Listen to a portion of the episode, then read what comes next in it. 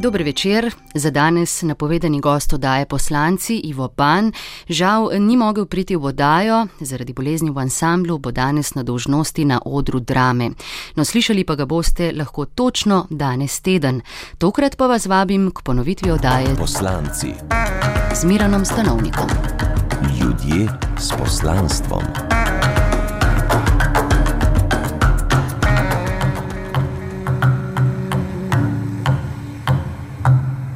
Dober večer na valu 202, no, 21 in 1 minuta je ura. En ekstremno lep pozdrav od Igorja in od Katja, in ekstremno lep pozdrav eh, našemu gostu, Miranu Stanovniku. Živijo, dober večer. Dober večer, živijo. Miran, povej po pravici, eh, a ti je čudno, no, ko kamorkoli prideš, kdorkoli te povabi ali se pogovarja eh, s tabo, hm, ti pravi, da si ekstremen.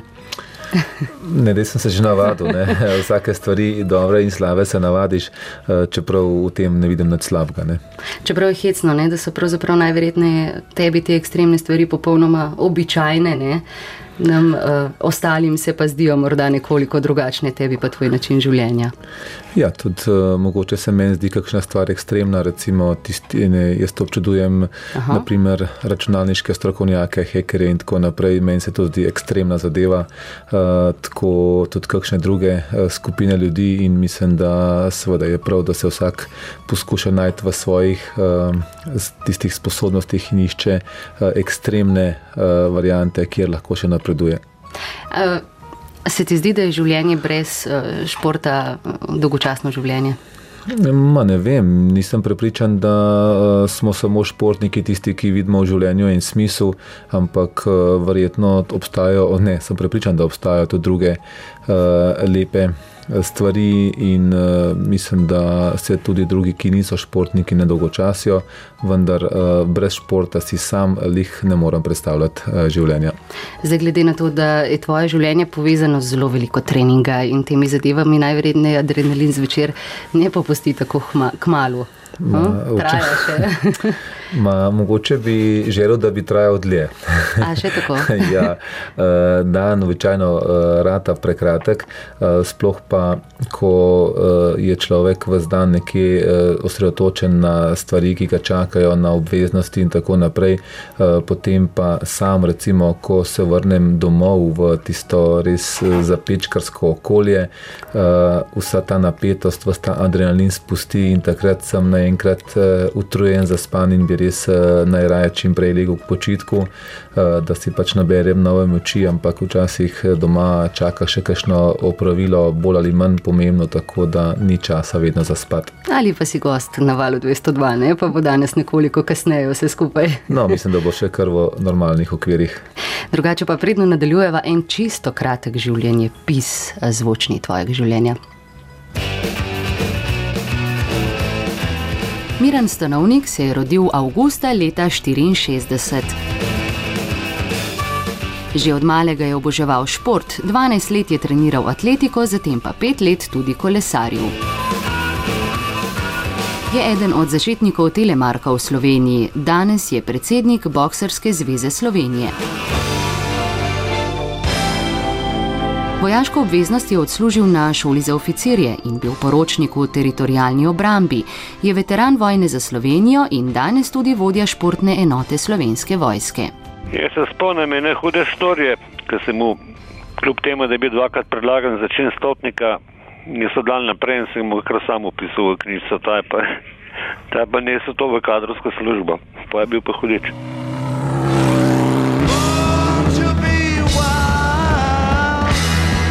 Prvič je dirkal na državnem prvenstvu v motokrosu leta 1986 v Šempasu pri Novi Gorici.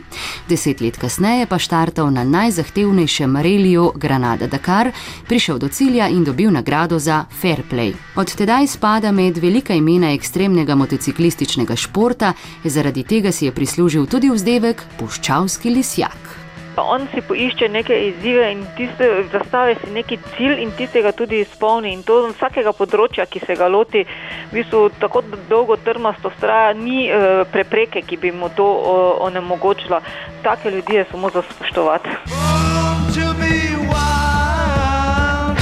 Med svoje največje uspehe šteje 15. mesto v skupnem seštevku in drugo mesto v kategoriji Maraton na reliju Dakar 2004 in 19. mesto v skupnem seštevku ter drugo mesto v kategoriji Maraton leto poprej. A uspehov je seveda veliko. Tudi ta, da je po nešteto poškodbah, celo po dvojnem zlomu hrbtenice, še vedno na nogah in še vedno pripravljen na nepredvidljive, nevarne in za običajne smrtnike nepredstavljive preizkušnje. Ja, še zmeraj, kadar se srečo rečem, če še zmeraj je nor, prav da je, pa da ni nor, mislim, on prav da ni nor. Gospod Tone Jesenko in Helena Javornik sta že sodelovala v tem portretu, seveda jih bomo slišali še v nadaljevanju. Miren kot otrok si bil ti ek, ekstremno priden uh, učenec, ne? kolikor sem slišala same odlične ocene in tako naprej. ja, bil sem priden učenec, uh, mislim, ali bi lahko mogoče tako rekel, bil sem učenec z odličnimi ocenami. Uh, težko bi pa rekel, da sem bil res najbolj priden, ker uh, sem tukaj šel iz enega ekstrema v drug uh, in sem se vedno družil z tistimi najmol, najmanj pridnimi, tako da sem spoznal obe strani šolanja. Sicer pa A je to res, da si že prvi dan uh, prvega razreda prinesel domov podpis? Ja, to se je zelo hitro, hitro šlo. to se je zelo hitro zgodilo, ker sem. Uh, igral nogomet eh, po, po šolskem eh, hodniku, potem pa za nameček, še tik preden je prišla toršica v razred, eh, sva z enim ponavljavcem snela vrata, pa to so bila una res starinska vrata, tri metre visoka, ki se jih res ni dal nazaj s tisto najno močjo postaviti in seveda tega nisva mogla skriti in sva dobila oba podpis. Zanimivo življenje že od začetka. No, eh, gospod Tone Jesenko je bil učitelj na osnovni šoli, kamor si hodil in se uh, tako le čisto na kratko, ne, se te spomni tako. Bil znam potem, da je on ni šel z avtobusom iz Loga, to je nek, nekaj kilometrov, ampak je tekel. Najbolj... Da povozil za šolskim kombijem ne parkrat na atletska tekmovanja. Mislim, da je bil je prvi ali celo drugi na takratnem državnem prvenstvu, bil še juge na 2000 metrov. Skratka, tako je spet uh, športne in že takrat si treniral, očitno na poti v šolo ali kako. ja, združil sem prijetno s koristnim, namreč uh, jaz prihajam iz uh, kmečkega okolja, kjer čez dan ni bilo časa trenirati, uh -huh. je mhm. bilo treba tudi doma na manjši kmetiji uh mhm. -huh. pomagati staršem in tako naprej, starim staršem. In sem izkoristil trenutke, ko se je to dalo, da sem odtreniral pred šolo ali pa v, na poti v šolo in potem zvečer. Uh, in s tem pač uh, dosegel tudi tisto, kar uh, sem sam želel, ne samo tisto, kar so šta, starši želeli. Uh mhm, -huh. Skratka, tudi svoje interese že uveljavljal takrat, ne? lahko rečemo. Drugače pa atletika, potem pa kolesarjenje pet let. Ne? Uh, ja, jaz sem v bistvu težko živel brez športa in uh, ta atletika mi je dala seveda ene osnove. Uh, prej sem tudi nekako mal smučal, vendar je bil to predrag šport za nas.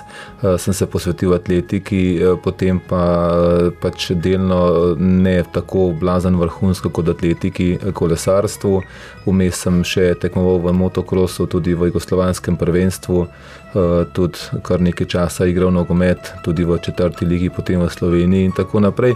Tako da v bistvu eh, je ta pač eh, šport nekako zaznamoval moje življenje. Kaj nisi počel od športa? Ne? Prej smo pred oddajo ugotovili, da tudi ritmična gimnastika ti ni bila tuja. No, bila krat, če bi gledal neko, nekdo iz strane, bi sigurno vedel, da mi je ta zadeva bila za tuja, ampak to je bil sestavni del enega uh, usposabljanja oziroma testiranja za Camel Trophy, takrat uh -huh. uh, avanturo na štirih kolesih uh, in je pač To smo mogli početi v Zagrebu. Tega, ja, sicer pa tega nisem počel vedno. Nisem potem prakticiral ne, naprej. Ne? Ne. Eh, Slovenija te seveda pozna po motociklizmu. Tvoj prvi motor je bil Pony Express, eh, brato, če se ne motim, je bil to isti motor, ki si ga zaslužil z nabiranjem ameriških borovnic. Ja, to je bil tisti motor, to je bil v bistvu ena mešanica, se pravi Rock, Pony, uh, Rock Tomos, Pony Express. Uh -huh. Brez seveda vsakega ozmetenja, tehnološko takrat zelo, sicer za tiste čase napreden motor, ampak zdaj bi se mu verjetno vsi smejali. Ali pa bi bil retromodern. Ali bi pa v tem smislu ga obravnavali. Ja. ja, od brata sem ga kupil za polovično ceno, ker, on, ker sem izbral pravi trenutek, takoj po njegovi manjši nesreči, ko ga je on zasovražil, sem ga seveda jaz zelo hitro kupil. To je podobno takrat bilo, kot so zdaj delnice, treba je kupiti takrat, ko je najcenejši ne, in prodati potem, ko vrednost naraste. In potem sem ga tudi za dvakratno ceno zelo hitro prodal, tako da v bistvu sem že razvijal tisto trgovsko žilico, ki me je potem pripeljala do malo močnejšega motorja. Sicer pa ena tvojih prvih služb je bila na cestninski postaji Lok. Najverjetneje so bili tisti, ki so imeli težave z avtomobili, zadovoljni, ne? pa je si se tudi lotil, pa malo kaj pošraufal, če, če bila nuja. Ja, to sicer ne vem, odkje je ta podatek, ampak prav, res je se to dogajalo. Tako da sem včasih sodelavci že malo po stran gledali, ker sem z tem, to napitnino v bistvu skoraj več zaslužil, kot pa za tisto z delom na cesti oziroma na, na delitvi teh cestninskih lističev. Je pa res, da so takrat tisti turisti bili zelo zadovoljni in verjetno so tudi okrog govorili, kako so v Jugoslaviji prijazni. prijazni na cestninskih na postajah. cestninskih postajah pa sploh. Zate pa je bila to najbrž med študijem strojništva zelo dobra praksa. Ne, tudi, ja, sem, to je že v naši družini, da smo nekako bolj praktiki kot teoretiki uh -huh. in skoraj nobena taka zadeva nam ni preveč tuja. No, in nadaljevala bova po naslednji glasbi, Ramonsi bodo tole.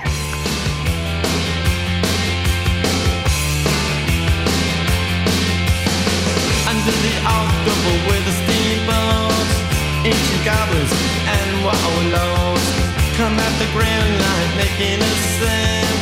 The smell of death is all around. And at night when the cold wind blows, no one cares, nobody knows. I don't wanna be buried in a pet cemetery.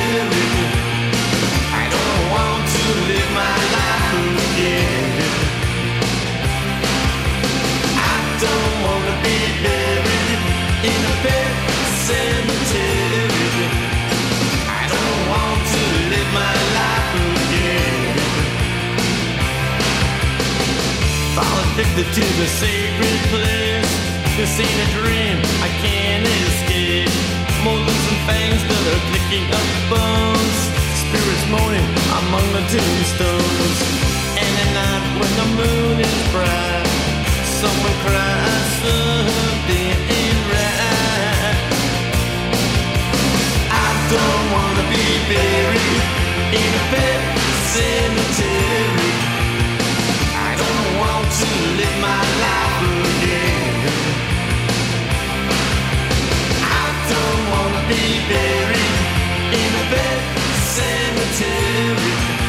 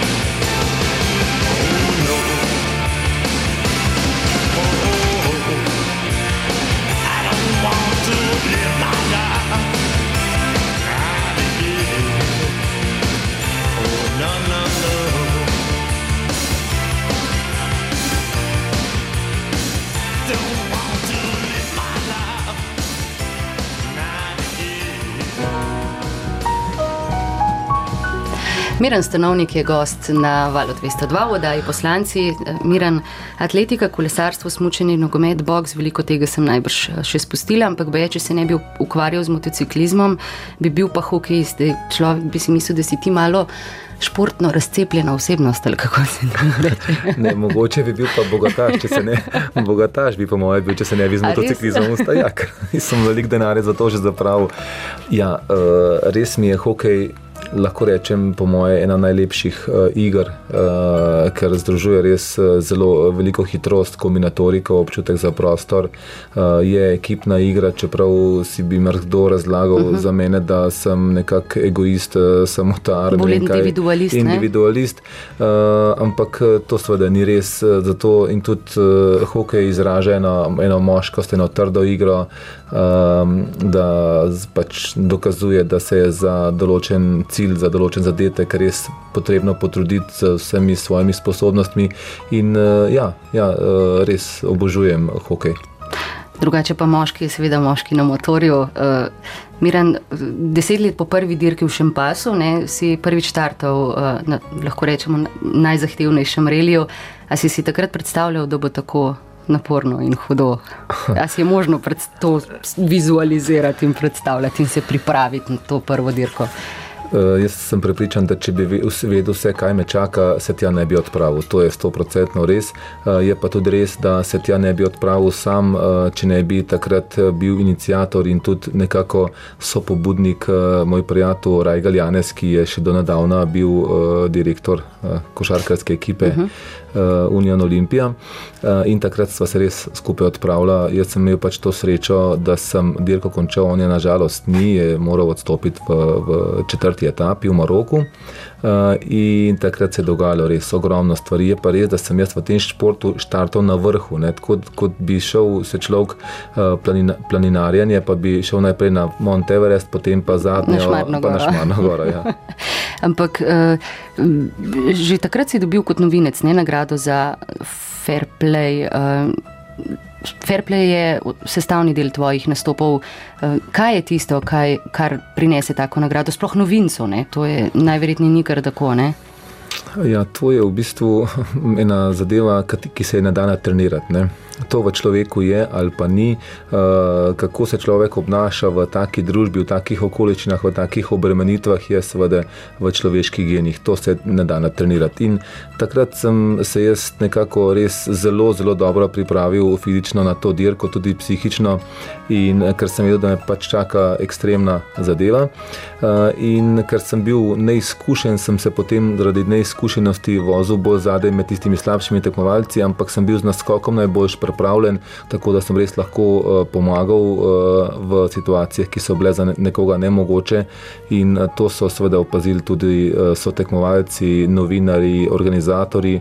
Kljub temu, da nisem vedel, da obstaja sploh nagrada za fair play, ker sem se takrat dejansko boril v narekovajih za življenje, da bom preživel, da bom prišel v cilj v Dakarju in potem seveda bil deležen te nagrade, ki je v tujini takrat bistveno bolj odmevala kot pa v uh, naši državi, ampak potem smo tudi v naši državi počasi ratali razsvetljeni po tej plati in se je tudi ta uh, nagrada bolj prijela. Ampak nikjer pa nisem zasledila, najverjetneje pač praviš, fair play je v človeku. Obstajajo najverjetneje tudi tekmovalci, v katerih pa fair playa kot karakterne lastnosti ni. A kakšne so pa te izkušnje mogoče nekoga, ki je osredotočen samo na cilj in bi šel čez. Čez vse so najbrž tudi takšne situacije, ali ste tam nekako čisto v drugem duhovnem stanju. No? Uh, oboje, seveda med vsako čredo obstaja tudi kakšna črna ovca, uh -huh. uh, in uh, teh črnih ovc je relativno malo. Samo tak način, ki jih nekat, nekateri tekmovalci um, bolj zagovarjajo preko trupel, recimo do cilja, uh, seveda ne pripelje do daljnoročnih rezultatov, dobrih rezultatov, slej ko prej se takemu tekmovalcu obrne uh, pač v njegovo škodo tako ravnanje, tako obnašanje in mislim, da bolj zreli tekmovalci, sposobnejši, boljši tekmovalci se seveda eh, tega dobro zavedamo in vemo, da lahko vsako sekundo nekdo potrebuje tudi od nas pomoč. In seveda pomoč je tudi uh, zelo pomembna, če prihaja od strani uh, tvojega partnerja oziroma partnerke. Uh, Pika ima prav gotovo veliko razumevanja in um, ljubezni tudi do tega, kar ti počneš. Um, kot ene, bom rekla, najbolj zoprnih izkušenj, uh, pa se spomni te, povezana pa je s tehnologijo. Zdaj, je pač možnost ga uživo spremljati, ne, kje, kje se on točno nahaja na dirki, ne, je tako, da pač ti vtipkaš njegovo številko in se pokaže, kje, na kateri točki trase se trenutno nahaja. In jaz sem takrat vtipkala njegovo številko in enostavno sem na prejšnji časovni kontroli je bil pač med prvimi, potem ga pa kar ni bilo, ni bilo, ni bilo. Sem rekla, "Ja, kaj zdaj, ne? Kam se je zdaj ta fant skril? in v bistvu tisti trenutek me je malo zaskrbel, ker sem vedela, da če bi bilo vse v redu, bi pač spet mogel biti med prvimi, ne? In sem čakala klic. No in čez nekaj časa me je pač poklical in je rekel, da je padel in da je pač dirka za njega končana. Ne. Tako da mogoče to glih ni najbolj, da ga lahko živo spremljam, ne. ker pol v bistvu še prej vidiš, da je nekaj narobe, še preden veš v bistvu, kaj se sploh dogaja. Ne. Torej, tehnologija ni vedno najboljša stvar, ali kako, čeprav tebi pride pa prav. Ne? Ja, mislim, da je to sestavni del uh, današnje dobe. Uh, tudi vemo, da mogoče preveč tehnologije tudi dobro ne vpliva na okolico, na vzgojo, na otroke. Zvemo, da so zdaj vsi na računalnikih, na Nintendo, na ne vem kakšnih še aparaturah uh, in malce potem tudi lahko zapostavljamo družinsko in tako druže, uh, življenje. Ampak, kot sem rekel, to je lahko rečemo kolateralna škoda. Ja, kakorkoli človek pogleda na te stvari. A se ti zdi, da si bom rekla, glede nevarnosti, ki mogoče prežijo med temi dirkami, veliko bolj odgovoren kot recimo mi, ki tega nismo nikoli izkusili, ali mora biti človek manj pozoren na nevarnost, da lahko recimo to počne? Ja, mislim, da. Um, sama pozornost na nevarnost ni dovolj, da bi se ognil kakršni koli eh, slabi, škodljivi posledici. Je pa res, da se je treba nevarnosti zavedati eh, in potem posebno pozornost eh, posvečati temu, kako preprečiti to nevarnost. Ne? Običajno to, če se osredotočimo na kamen ob cesti, oziroma da ga gledamo, bomo najverjetneje v njega udarili. Ne? Če pa se osredotočimo na to, kako bi šli mim, ga pa ne gledamo več, pogledamo v stran stran in takrat se kam naognemo. To je eh, nepisano pravilo in to dejansko drži. Zato um, se zavedam teh stvari, tudi recimo, ko se zgodi pač, uh, neizbežna smrtna žrtev na kakšni od naših uh -huh. dirk, uh, se o tem seveda uh, pogovarjamo, vendar če bi na sami dirki naslednji dan o tem razmišljali, bi prav gotovo bili kmal, kmalo tudi mi v taki situaciji, da bi se lahko kaj podobnega nam zgodil. Tako da moramo se zavedati zadev, ne pa posvečati posebnih pozornosti. Nekoč si rekel, da si se zaljubil v puščavo, ne, zato ker v bistvu ob njej, v njej ne, dojameš, kako, kako si kot človek majhen. Ne. Najverjetneje je svoje vrstna zmaga, ne, da vsakič znova prideš do cilja in mogoče na nek način tudi dokažeš, ne, e, da si premagal mogoče puščavo in njene pasti. Hm? Uh, jaz bi uh, to zmago mogoče imenoval raje dosežek. Uh -huh. Uh, zdaj, težko je zmagati nad naravo. Ne? Vemo, da smo mi del narave, zelo mečken del narave ali pa kozmosa, če bi to malo širše gledali.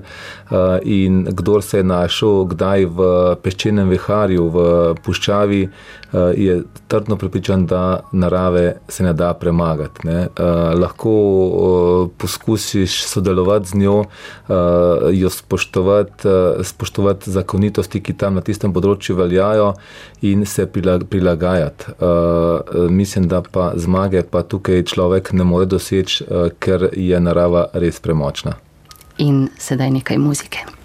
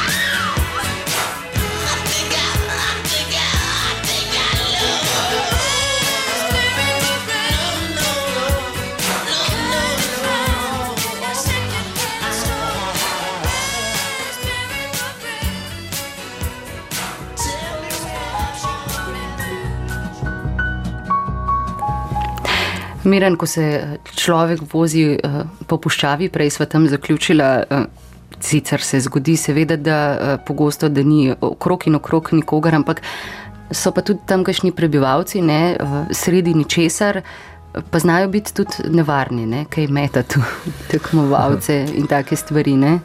Ja, mislim, dejstvo je to, da mi prihajamo na njihova dvorišča s svojimi igračami, ki brnijo in uh, ne bo to motocikl, uh, avto, avto, kamion, kakorkoli uh -huh. že. Uh, in verjetno jih včasih to lahko moti, ali je pa to njihov poseben obred uh, dobrodošlice. Jaz ne vem, nisem, jaz nisem nikoli imel toliko časa, da bi se v Mauretaniji ustavil in tudi ne znam njihovega jezika, da bi vprašal, Da bi kaj to pomeni. ne. ne? Ja, tisti, ki so se pa ustavili tam, uh, so bili pa Evropani, tako da v bistvu tudi mislim, da ne vejo še danes, ne, zakaj tiste palce uh, mečajo, ker so jih uh, leti ustavljali z kalašnikovimi, kar pomeni zelo velika nevarnost, ne, če bi se ta zadeva sprošila. dalje, ne? ja, uh, no in uh, ja, to se dogaja, uh, pač ne vem, te palce letijo in te, takrat je treba biti pozoren, da se kaj ne zgodi. Eh, Zgodi se seveda pogosto, kaj eh, ti imaš, po mojem, eno naj, najbolj zajetnih zdravstvenih kartotek v Sloveniji. A mora biti človek mal mazohista, no? tako da ob vseh teh poškodbah še dela na novih poškodbah. No? Ja, Kaj pa vem, no?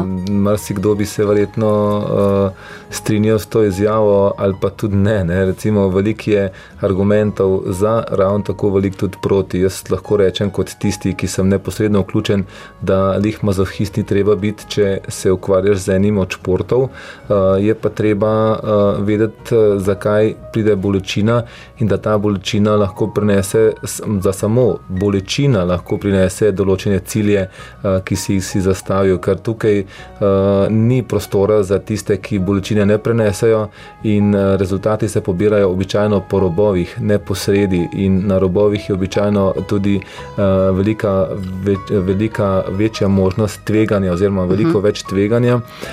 In v, ne samo v mojem športu, ampak mislim, da je treba ceniti vse športnike, če že na tekmovanju ne izgleda, da je prišel do tistega rezultata tekmovalec za bolečino, verjemite mi, da na treningih je to dosti dobro vidno.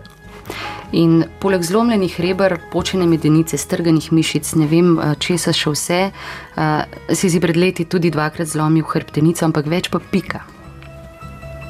Takrat sem bila zraven, ker si je zlomil hrbtenico, pa so ga odpeljali v bolnico. Pa pač prvi dan ne, ne bi videl, da ima zlomljeno hrbtenico, ampak jaz sem že vedela, ker on sam zaradi reber ne bi tako jamral zaradi bolečin. In potem naslednji dan smo ga prišli obiskat in je pač prosil vse, če grejo lahko stran, če lahko sama ostaneva v sobi in me je kar mal stisnil, moram reči. In me je sam prosil, če mu pač začnem masirati podplate in sem ga začela masirati in v tistem trenutku mi je rekel, veš, imam zlomeno hrbtenico. In jaz sem ga tako močno pritisnila, ker sem hotela videti, če pač vse čutne. In sem videla, da, da, da je spato nakazal, da, da čut sposobna pa mirna. No. Tako torej tudi uh, Pika spremlja uh, te tvoje ne, podvige in tudi vse, kar sodi zraven, najverjetneje zelo pomembno, ne, da imaš njo na svoji strani. Uh, ja, za mene je prav gotovo to zelo pomembno, ker uh, mislim, da, da uh, veliko um, življenjskih sopotnikov ali pa sopotnic uh, takega načina življenja verjetno ne bi razumela, uh, še manj pa podpirala.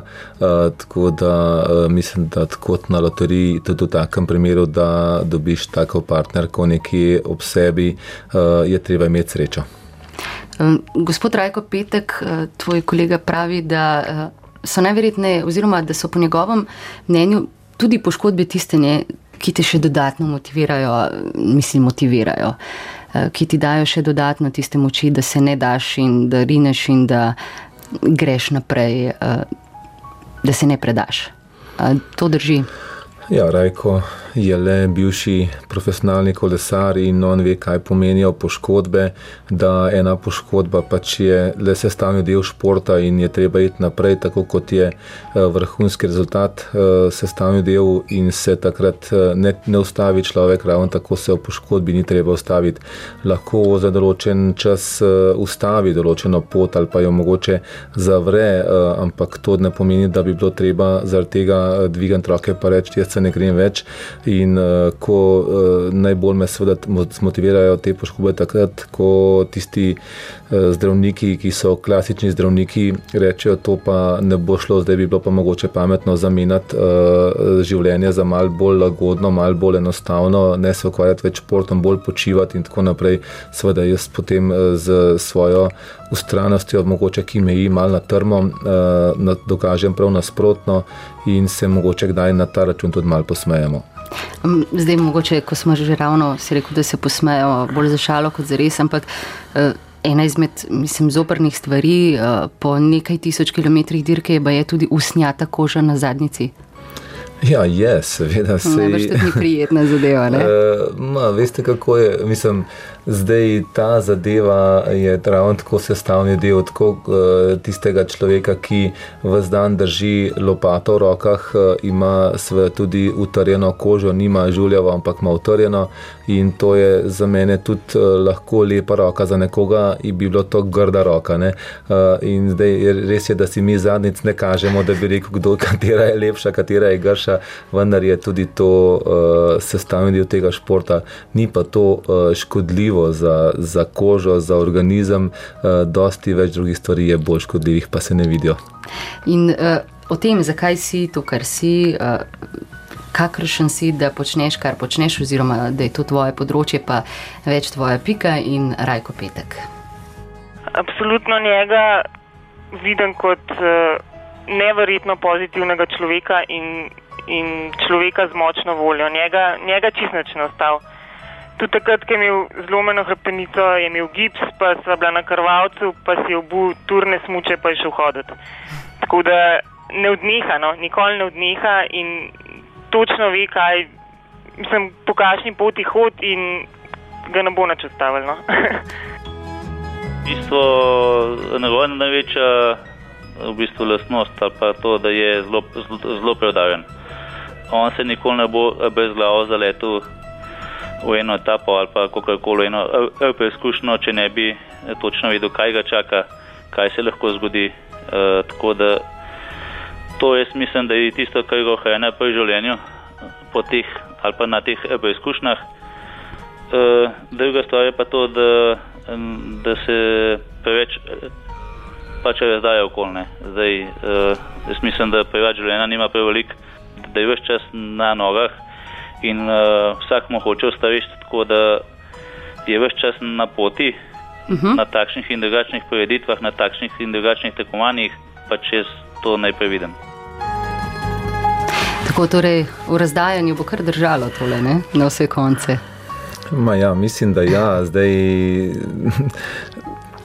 lahko bi tukaj uh, potegnili tudi uh, kakšno negativno uh, usporednico, ampak jaz še zmeraj vidim predvsej pozitivnega v tem, uh, sej skozi ta razdajanja. Uh, Ne bom rekel, da se samo razdajam. Uh, jaz bi mogoče rekel, da uh, se investiram.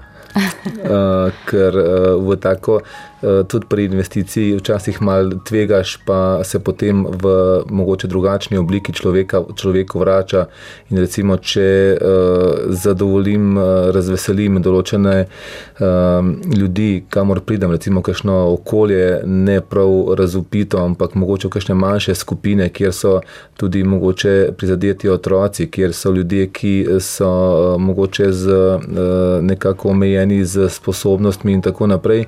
Uh, in ti ljudje eh, dosta dobro znajo pokazati, oziroma še bolj pokazati, da so zadovoljni, da jih je nekdo tako obiskal, katerega gledajo samo po televiziji in tako naprej. Eh, res mi vzame eh, v takem primeru kar nekaj časa take aktivnosti, vendar je to investicija skozi vse take aktivnosti, se tudi sam sebe dodatno izgradim, znam mogoče ceniti še druge plati življenja in pa verjamem in tudi se je, se mi dogaja, da se mi v drugi obliki uh, vrača in zato pravim, da, da je to investicija, čeprav včasih izgleda res samo razdajanje. In uh, zdaj si bova privoščila malce muzike, zdravko čolič, bo to pa mimo grede, res. Naslov skladbi nima nobene namerne povezave s tabo, res. Upazila še na koncu.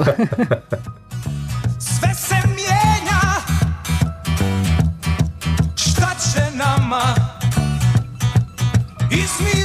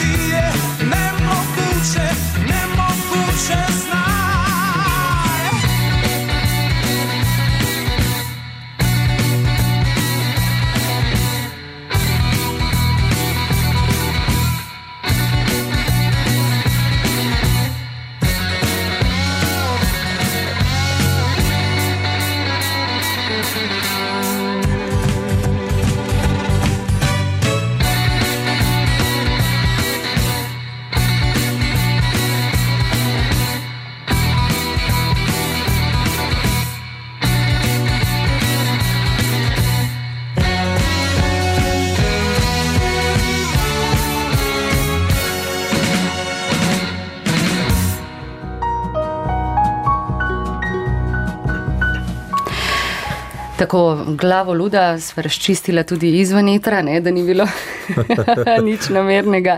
E, Miran, e, mogoče pa ne vem, marsikdo izmed poslušalcev ni vedel, da si eden izmed začetnikov telemarka v Sloveniji, ne, pa kar vin kučitala, to se drži. Uh, v bistvu Bo, ne? tistega organiziranega Ja, telemarka, ja. jaz verjamem, da je pred eh, mano in Istokom Ivančičem uh Mhm. -huh. že kdo v Sloveniji tudi smučal, ni se uh, primerno izpostavil, promoviral, kakorkoli uh -huh. že zato nič ni naredil, da bi se uh, ta zvrst smučanja popularizirala. Uh -huh. uh, tako da, da sem uh, potem seveda eh, tudi mogoče malo bolj znan, ker sem se tudi za poučevanjem ukvarjal, uh -huh. tekmoval sem se v svetovnem pokalu, bil trener državne reprezentance in tako naprej. Uh, to ni tista uh, zvrst smučanja, kjer bi drle množice, ja. ker bi bilo to blazno popularno, ampak je uh, to, ta zvrst precej zahtevna, uh, tudi tehnično, fizično in uh, seveda tukaj ni pričakovati, da bi vsak mladostnik si želel smučati telemark, čeprav je pa izredno, izredno uh, lepo in potem, ko nekako ovladaš to, ta stil, res nepogrešljiva zadeva. No, mogoče sva pa eh, koga še dodatno navdušila za to, mogoče bova koga navdušila za boksanje. Ti si med študijem, se mi zdi, ne? Si začel ali kako Ja. z boksanjem. Ja, jaz sem se takrat prvič srečal uh, z boksom in moram reči, da sem tudi uh, zelo hitro spoznal, da to ni ulični šport, da ni to pretepaški šport v tistem pomenu besede, da se je treba zdaj pa pretepati zaradi tega, ampak da človeku, človeka ravno tako gradi, da mu uh, nekako gradi samozavest, uh, da, da uh, človek začne drugače razmišljati, da se šk- športniku kot takemu gradi tisti športni pogled, ki ga uh, nekako mogoče kdo pogreša uh, raven zaradi tega, uh, ker mm, je treba opazovati vse okončine svojega nasprotnika, je treba biti uh, osredotočen na uh, tisoč stvari, na gibanje in tako naprej, kar pa uh, je povezano z drugimi športi, raven tako, tudi smučari, vem, da so uh -huh. trenirali boks uh, med uh, ne sezono, tako da Je vse stranska zadeva, ja? Ja, ja. Mimo grede, kako si zadovoljen z zadnjim nastopom Dejana Zavca?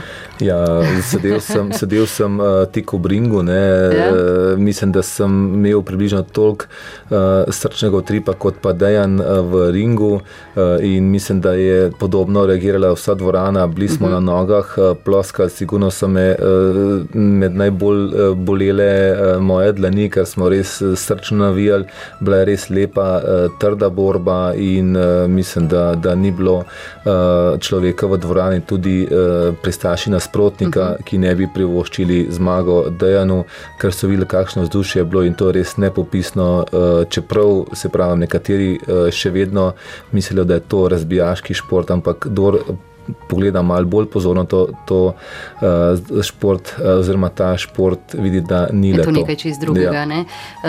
Kako pa si uh, mislim, zadovoljen s svojim delom, doprinosom v bokse, bokserski zvezi? Uh, glej, v uh, boksu seveda je bilo v preteklosti narejeno precej dobrega, pa tudi nekaj napak. Uh -huh. ne? In mi se zdaj srečujemo s temi napakami, ki jih poskušamo popraviti. Um, je nekaj dejstev, ki govori uh, pač v to smer, da imamo premalo kadra, tako tekmovalnega, uh, šolanega, trenerskega, kot pa tudi uh, ljudi, ki bi bili pripravljeni in kvalitetno delali v sami zvezi. Uh, to zdaj spreminjamo, nekako postavljamo boljše temelje, ne bom rekel nove temelje, ampak te temelje, ki so jih pred namci nekako začrtali, uh -huh. uh, jih mi poskušamo oplemeniti, dobiti še boljšo nadgradno in nadaljevati tisti del njihovega dela, ki je bil res uh, ocenjen za dobrega. In mislim, da smo na pravi poti, je pa res, da to ne gre čez noč, je treba narediti še marsikaj drugega, predvsem pa tekmovalno bazo.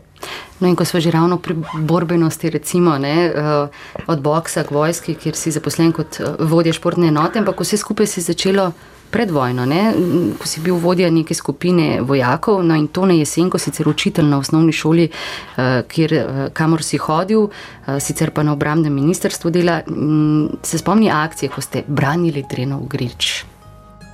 On je moral svoj vod na enem griču, se pravi, kilometr pa pol proti Ljubljani nazaj. Ne? In ko smo zvedeli, da bo izpad iz vojašnice, je pač premaknil svoj vod v Sinogorico. So zasedli položaje in so tudi eh, prišlo do ognjenega delovanja, mi rečemo, ne, dejstvovanja. Ne. Zbrano je blokado in tanki niso šli čez. No, tako ne, skratka, pravi vojščak. ja, mislim, da. da uh, Jaz sem kljub vsemu, da ima kdo, marsikdo kakšne pripombe na zdajšnjo vojsko, uh -huh. na, mhm. na takratno uh, naše udejstvovanje v tistih dneh, uh, pomisleke, še vedno ponosen, da smo uh, bili takrat na ta pravo mesto, na tistem mestu, kjer nas je uh, domovina potrebovala in uh, zadovoljen sem, da ni prišlo do uh, večjih posledic, da smo uh mhm. -huh. tisti, ki smo takrat vodili določene enote okrog vrhnike, uh, bili tako strpni in tako bom rekel, potrpežljivi, da ni prišlo do uh, kakšnih žrtev in da smo res uh, znali uh, obdržati mirno glavo in pa predvsej, predvsej uh, bom rekel, ljudi na svojih mestih, da ne bi prišlo do res tistih žrtev, ki bi lahko. In ti si vojni veteran dejansko, ne? Jaz sem vojni veteran, ja. ja. In praviš, da če bilo treba, bi šel tudi danes brez pomisleka na kakšno tujo, mislim, misijo v tujino. Še. Ja, jaz sem eh, pripadnik eh, slovenske vojske z vsemi eh, pravicami in dožnostmi. Ve se, kaj, kakšen je to poklic, da v miru verjetno najbolje plačan, v vojni pa seveda mal bolj tvegan.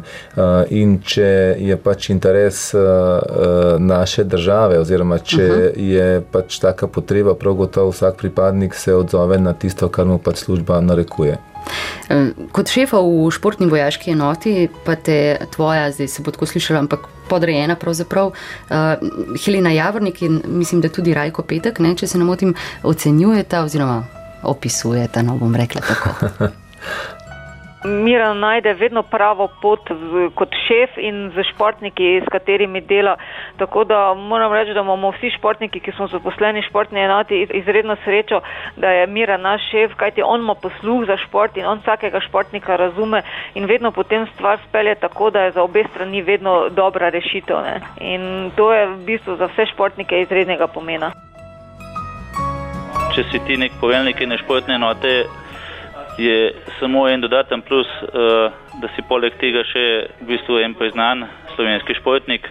Mislim, da ni človeka v Sloveniji, ki ga ne poznal, ker bi zelo težko odprl za naše vrhunske športnike, ki so pa nam zaposlene. Mislim, da ogromno stvari doprinesu za prepoznavnost tudi slovenske vojske, same naše uh, športne enote in hkrati veliko uh, naredi za Slovenijo tudi v tem pomenu, ker se neprestano boji za.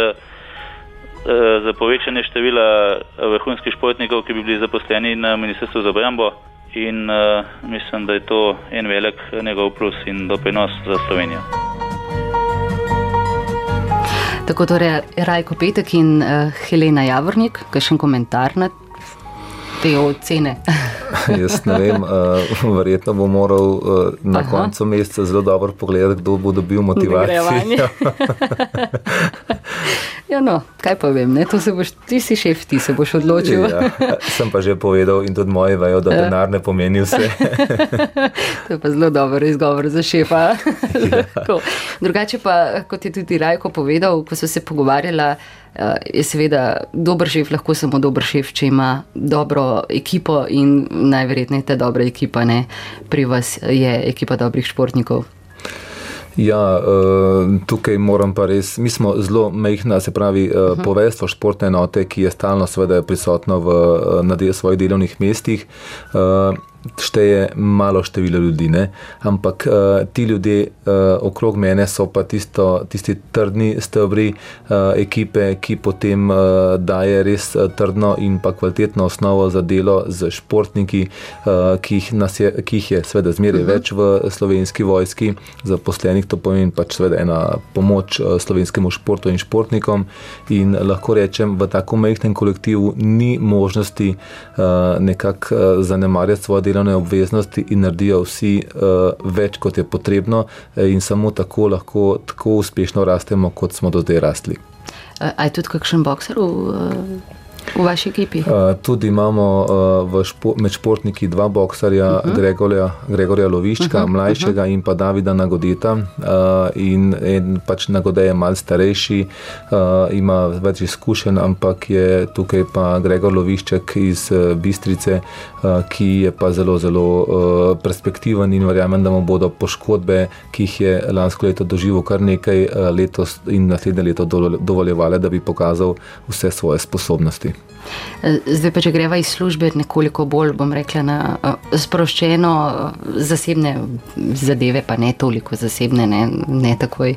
se, se, ne, se ne bom ustrašil. Miren, za začetek, s čim človek očara arabskega šejfa, šejka do te mere, da postaneta prijatelja? Uh, šejka, uh, recimo, če govorimo o Mohamedu bin Sulajemu. Vem, Dubaja, da je Mohamed ostalo. Mohamed bin Sulajem. Uh, od začetka uh, ni teorije, da bi nekdo nekoga uh, očaral in do tem je repravil, da bi mu zaupal, uh -huh. sploh v tem svetu. Uh, jaz sem rabil seveda uh, nekaj časa, verjetno manj kot ostali ljudje, ker uh, ti ljudje pa čutijo uh, človeka. Uh mhm. -huh. In ko si enkrat njihov, so vsi tvoji prijatelji njihovi. Če nekdo reče, da je uh, iz ekipe Mirana Stanovnika, ima takoj možnost, da se pelje z najnovejšim Ferrarijem in z Mohamedom Disom. in če nekdo reče, da je prijatelj Mirana Stanovnika, ima tudi protekcijo pri uh, policiji v Abu Dhabiju in uh mhm. -huh. Dubaju. Upam, upam, da ste si zapomnili to vsi poslušalci, ker nekrat bo veliko tvojih prijateljev na tistem koncu. Eh, kako pa miren, oziroma s čim miren očara žensko, svojo žensko, pa bo povedala Pika. Wow. Ta pozitivizem se odraža tudi v odnosu. Ne? Fajn je mi ta zgled človeka ob sebi, ki vedno najde kakšno rešitev, ne? se pravi tudi v partnerskem odnosu. Tak sonček je. No? spet, bom, spet se bom ponovila, ampak to je ta pozitivna energija, ki jo on oddaja. In to, kar z njim govoriš, ti je kar naenkrat vse jasen. Res, to ne morem opisati, no, ampak to je pač njegova odlika. No. Madonna, same pohvale. Ne?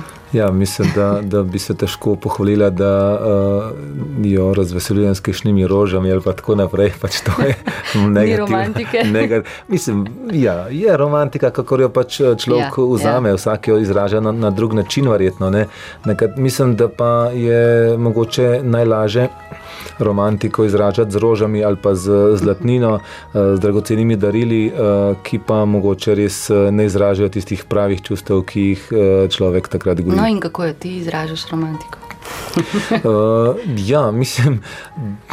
Se mi treba uh, odgovarjati. No. Res, v zadrego, v zadrego se mi spravlja, ker ne, ne, se uh, mislim, da, da mogoče včasih malo po svoje, uh, kar pa ne pomeni, da je ne izrazim in takrat, ko jo izražam, mislim, da tisti, ki jo v meni dobro ve. Uh, dobra volja, pozitivna naravnanost. Torej, eh, čeprav pika mora imeti krke kondicije, ne, da ti sledi, tako da tudi vajni dopusti so v bistvu zelo športno obarvani. Ne. Uh, ja, mora imeti tako in drugačna kondicija, uh, in mislim, da če ne bi pač uh, bila uh, deležna teh odlik, oziroma če ne bi vsebovala teh lastnosti, verjetno ne bi sledila moji poti. Vajni dopusti so zjutraj kolesarjenje, potem pridete domov, potem greste s kakšnim čovnom po. Uh, ali kako ne, tako mi je razlagala. Ja, del, del tega dopusta je tudi, ampak uh -huh. včasih pa moram reči, da uh, to ne pomeni, da sem hiperaktiven, recimo govorim za sebe. Uh, včasih mi prav paše uh, lenarit, se uh -huh. tudi uh, potegniti, iti na trening kasneje, mogoče tudi takrat, ko ni najbolj primerno, ko je vročina že uh, precej visoka, recimo tudi na mestu, da bi šel zjutraj ob sedmih na kolesarski trening, grem mogoče ob 12 za to, ampak pač dopust je dopust in res takrat poskušam poskušam resetirati v bistvu vse svoje eh, pretekle zadeve in pa nabrati novih moči, napolniti akumulatorje. In si vzeti čas zase. Eh, glede na to, da si veliko po treningih, v službi, v garaži, eh, rad ješ dobre stvari, a si tudi kaj gospodinskega tipa? Zdaj, da bi rekel, da, da res uh, obvladam ne vem kakšno kuhinjo uh, slovensko in ne vem kakšno, ne, ampak uh, se pa rad spravim za štedilnik ali pa mogoče za kakšno drugo napravo in prepravim kakšno jed, tako uh, sam zase, za družbo, za moje bližnje in uh, tudi uh, taki trenutki so za me sprostitev in uh, prav uživam v tem. Je res, da je za to malo priložnosti, vendar uh, če je, jo seveda z veseljem izkoristim. Sicer pa je ena tudi tvojih uh, uh, bolj priljubljenih stvari, pa masaža. Ne? Ja, če, če sem je deležen. pa mislim, da si jo kar ne. No, ja, ni, sem. ni, ni, ni uh, jo težko dobiti. Ne? Ne, ne, ne. A tudi delita spiko ljubezen do glasbe, ti ne maraš rep in house glasbe, prisegaš pa na, med drugim tudi na uh, Avsenika in isto kamlakarja. Ne? Res je, sploh kadar sem v tujini, pač mi domača beseda, domača glasba res največ pomeni. Um, in še ena od tvojih ljubezni, to je seveda uh, kuža, ne? Olimp, uh, a sem prav naglasila? Ja, ja, prav. prav, prav. Uh, to je že drugi kuža po tem imenu. Uh, Pika bo zdaj povedala eno zgodbo, ki je povezana še s prvim kužem in pa tudi na nek način, seveda, potem s teboj. Takrat moram reči, da sem jaz njega spoznala po čist drugi plati, se pravi po tej čustveni. Ko smo ga pelala na injekcijo, sem v bistvu tisti trenutek videla, da, da je Miran sposoben zelo velike ljubezni. In takrat mi je bilo jasno, da, da je to tone. Uh, zdaj imamo pa novega kuža, to je pa tudi, mislim, to je v bistvu, ki bom rekla, pač naš družinski član in, in tukaj med nami je ogromno ene ljubezni in ene um, spet pozitivne energije. Tako lušteno. Skratka, kužeti so tudi tista stvar, ne, ki človeku dajo veliko. Ne? Že od otroštva si povezan s temi živalicami nasplošno. Ja, glede na to, da kot sem že omenil, živimo na manjši kmetiji, je tudi podeželska hiša praktično bila vedno opremljena z enim od uh, štirinožnih prijateljev, čuvajev. Ne, tudi koze, bolj, ne s temi? Tudi koze imamo še vedno A, pri še hiši. Ja, ja. Uh, dobil sem jih za, en, za svoj rojstni Aha. dan in te so, koze so se seveda razmnožile, ne same med sabo, ampak s pomočjo sosedovega kozla. Uh, tako da, da imamo, imamo okrog hiše in v, v domačiji še kar nekaj živali, uh, ki seveda dajo posebno energijo in uh, jaz pa moram reči, da najbolj pri srcu je pa še vedno uh, Olimp in uh, tukaj uh, mogoče mu celo delam krivico, ker si premalo časa vzamem za njega. No, mogoče pa pozdaj kaj drugače, ali pa ti slišal. Uh, Miran, za konec to. Uh, Kdaj bomo dočekali tole tvojo knjigo o izkušnjah in preizkušnjah? Nekaj zapiske delaš, ne? ampak Ja, nekaj, zapisk, nekaj zapiskov sem že naredil, um, obliko in vsebino imam v glavi. Upam, Aha. da ne bom doživel kakšnega hujšega paca, da bi ta vsebina zdrknila v kakšen drug predal. Uh, ampak ja, jaz verjamem in tudi pobožno upam, da bo to čim prej. Ampak kljub vsemu pa, ker nisem tisti pisec uh, romanov, ki bi pisal za denar, za to, da bi pač nekaj tržil, verjamem, da se bo to zgodilo takrat, ko bo pravi trenutek, ko bo zadeva dozorela in uh, takrat bo sigurno najbolj ta pravi trenutek. Miren, najlepša hvala, da si bil gost na valu 202.